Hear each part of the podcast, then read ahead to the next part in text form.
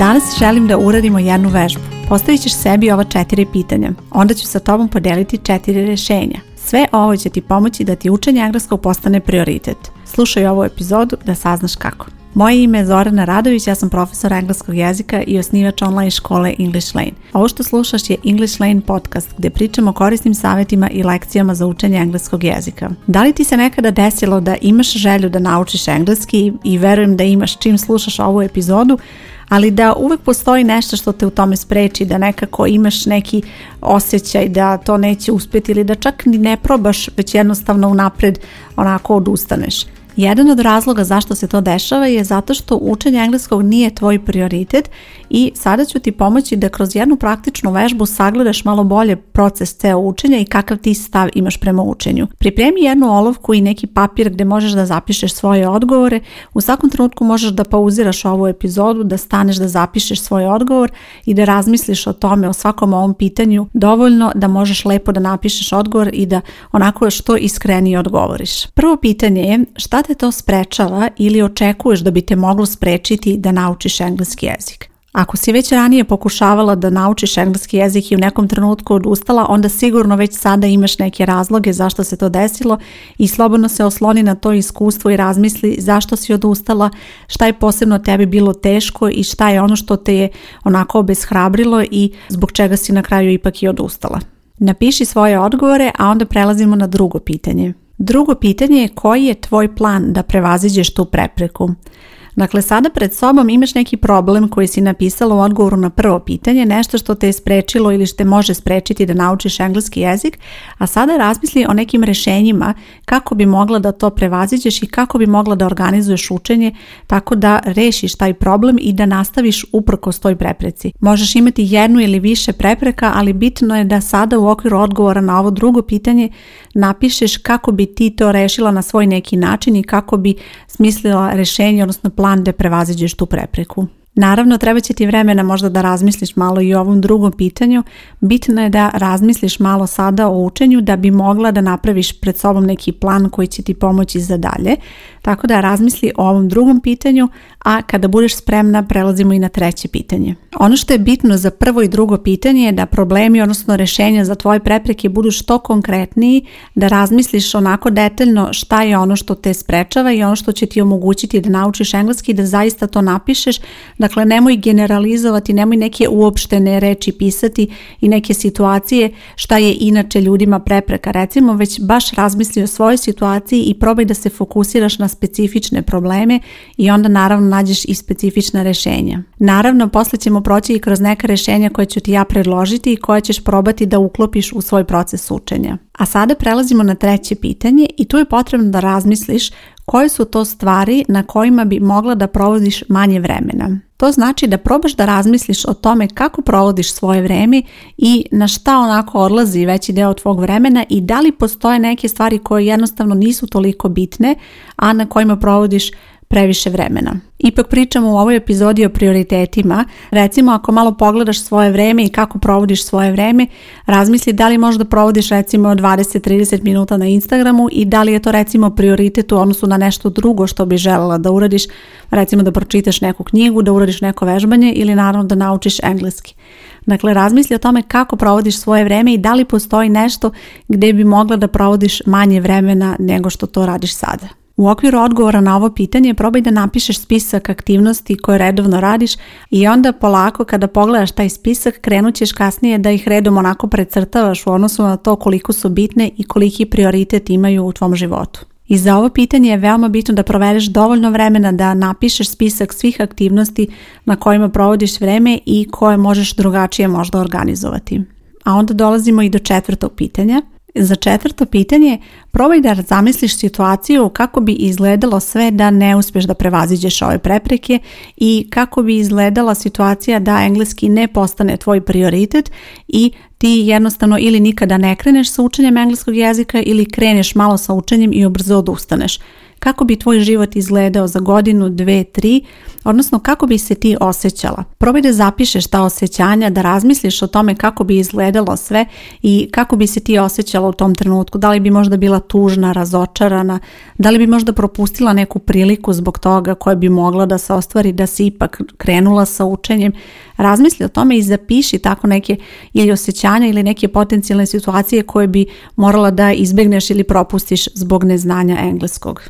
Sada smo na pola puta, imaš situaciju pred sobom i kakva je trenutna situacija i neke potencijalne probleme koji te mogu sputati i sada je vreme za rešenja i rešenja proba isto tako da zapišeš, dakle nastavi da pišeš na tom istom papiru, ali će sada situacija biti drugačija, razmišljat ćeš o rešenjima i kako da ta rešenja prilagodiš svojoj situaciji. Imaju vidu da ovu epizodu u svakom trenutku možeš zaustaviti i vratiti se na neka pitanja jer bitno je da dovoljno dovoljno vremena odvojiš i da razmisliš o svakom pitanju da bi plan koji ti napraviš sada zaista bio efikasan i da bi zaista tebi pomogao da ostvari to što i treba da ostvari, a to je da učenje engleskog bude prioritet. I nije dovoljno samo razmisliti i u glavi smisliti kako bi ti ovo ostvarila. Mnogo je bolje ako uspeš sve to da zapišeš jer kada imaš to sve zapisano ti onda imaš bukvalno neki konkretan plan pred sobom i nešto što će ti još dodatno pružiti motivaciju da kada treba da nastaviš sa učenjem engleskog to zaista i ostvariš. Rešenje broj 1. Provedi vreme da napišeš svoje ciljeve, zašto učiš engleski i zašto želiš to da ostvariš za sebe. Sada razmisli o ovom pitanju i razmisli o odgovorima i zapiši ih na papir. Možda ćeš imati jedan odgovor, možda ćeš imati više odgovora, nije bitno, ali još bolje ako imaš više i probaj da zapišeš što više tih odgovora zašto ti želiš da naučiš engleski jezik. Kada napišeš prvi razlog, nemoj da tu staneš, već se zapitaj zašto taj razlog. Recimo, ako napišeš razlog želim da znam da pričam na engleskom jeziku, to jeste razlog, ali nije dovoljno konkretan razlog. Sad se zapitaj zašto. Zašto želiš da pričaš na engleskom jeziku? I onda recimo doći ćeš do toga možda da imaš rođake u inostranstvu ili da ti deca žive u inostranstvu.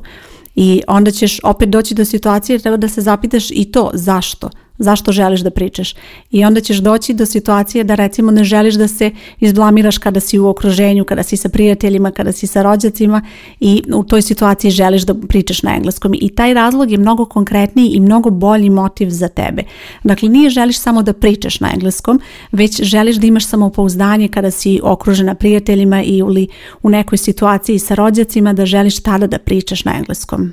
Ako tako napišeš razlog i postavljaš sebi pitanje zašto, zašto i vraćaš se konstantno i pišeš što više tih razloga, na taj način će doći do onih najdubljih razloga koji su u stvari najveći motiv za tebe i bit će ti najbolja podrška na ovom putu kada je u pitanju učenja engleskog. Sada kada pogledaš taj spisak razloga, pogotovo ako ovako navedeš ove najdublje razloge, tu ćeš vidjeti zašto ti učiš engleski jezik i tu će biti tvoj cilj u stvari zato ti želiš da naučiš engleski i to to je ono što će ti pomoći da učiniš da engleski postane prioritet za tebe. Kad god se pitaš kada imaš izbor šta ćeš raditi danas u toku dana, uvijek razmisli o tim razlozima jer to je ono što će ti pomoći da izabereš onaj pravi ono što je tebi važnije. Sada kada imaš spisak razloga i ciljeve ispred sebe, ako sve bude išlo sjajno i po planu i uspeš da se posvetiš učenju engleskog jezika, kako će tvoj život izgledati za godinu, dve ili tri? Razmisli o tome kako će izgledati tvoj život, odnosno kako ćeš se ti osjećati ako zaista provedeš to vreme učeći engleski jezik i naravno umeđu vremenu napreduješ. Da li ćeš biti ponosna na sebe? Da li ćeš ostvariti nešto? Da li ćeš omogućiti sebi nešto, neku novu priliku? Kako ćeš se osjećati pred drugima? Koje ćeš nove vještine imati zbog toga što znaš engleski jezik? Sada nastavi da pišeš po tom papiru i napiši kako će izgledati situacija ako zaista sve bude onako kako si planirala, ako ti sve bude išlo od ruke i ako uspeš u učenju engleskog, kako će onda izgledati tvoj život u tom trenutku.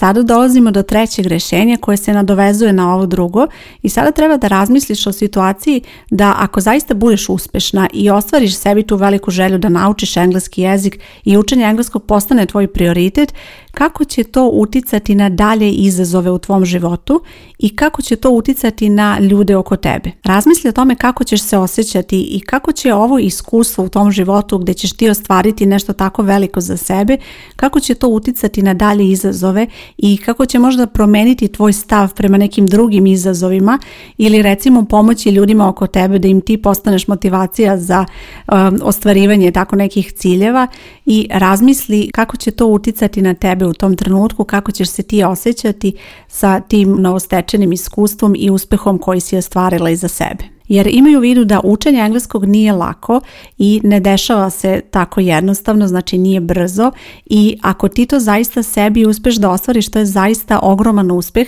i nešto što će zaista biti ogroman motiv za tebe za dalje i trebalo bi da ti pruži podršku ne samo za dalje učenje engleskog i usavršavanje, već i za mnoge druge aktivnosti u životu. Razmisli o tvom odnosu sa prijateljima i porodicom i kako će ovaj uspeh uticati na odnos sa njima kako ćeš im pomoći da oni prioritizuju stvari koje su njima važne na osnovu svog iskustva koje imaš. Napiši svoje odgovore na papiru, a onda prelazimo i na četvrto rešenje.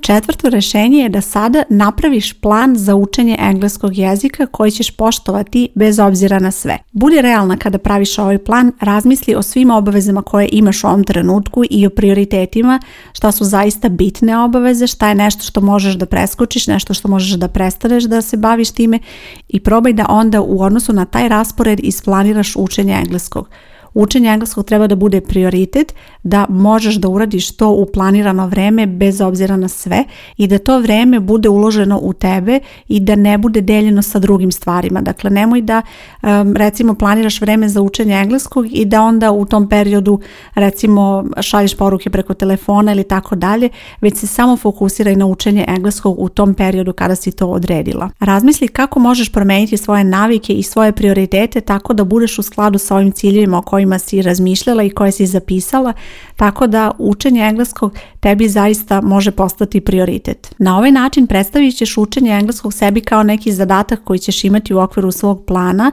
ali imaju u vidu da taj zadatak radiš da bi uspjela da ostvariš sve one ciljeve koje si prethodno zapisala, dakle da ostvariš sve ono što želiš za sebe i to je onda ono što čini taj zadatak nekom aktivnošću koja će tebe u stvari usrećiti na duže staze i koja će ti pomoći da ostvariš sve ono što si želela za sebe.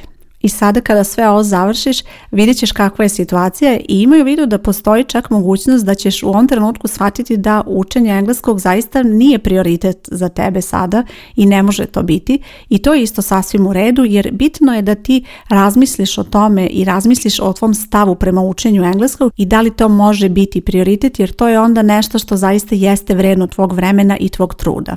Bitno je da znaš zašto učiš, kako ćeš to ostvariti ili da možda uopšte ne treba ni da počinješ u ovom trenutku. Ono što sam primetila u mojoj školi je da polaznice koje znaju zašto uče i koje imaju jasno definisane ciljeve i uz to učine da engleski jezik postane prioritet, zaista ostvaruju sjajne rezultate bez obzira na kom su nivou i zaista uspiju da napreduju i da ostvare te ciljeve za sebe. Ukoliko tvoji odgovori pokažu da engleski jezik jeste tebi važan i želiš da postane prioritet u tvom životu, predlažem da pogledaš više o mojoj školi koja se zove English Lane. U pitanju je online škola i na ovoj stranici gdje slušaš podcast bit će link ka školi ili možeš potražiti English Lane online škola i tu ćeš pronaći sve informacije. Nadam se da ti je ova epizoda bila korisna i da će ti pomoći da razmisliš o učenju engleskog i da smisliš plan kako će učenje engleskog postati prioritet za tebe. Moje ime je Zoran Radović i čujemo se uskoro. Chao.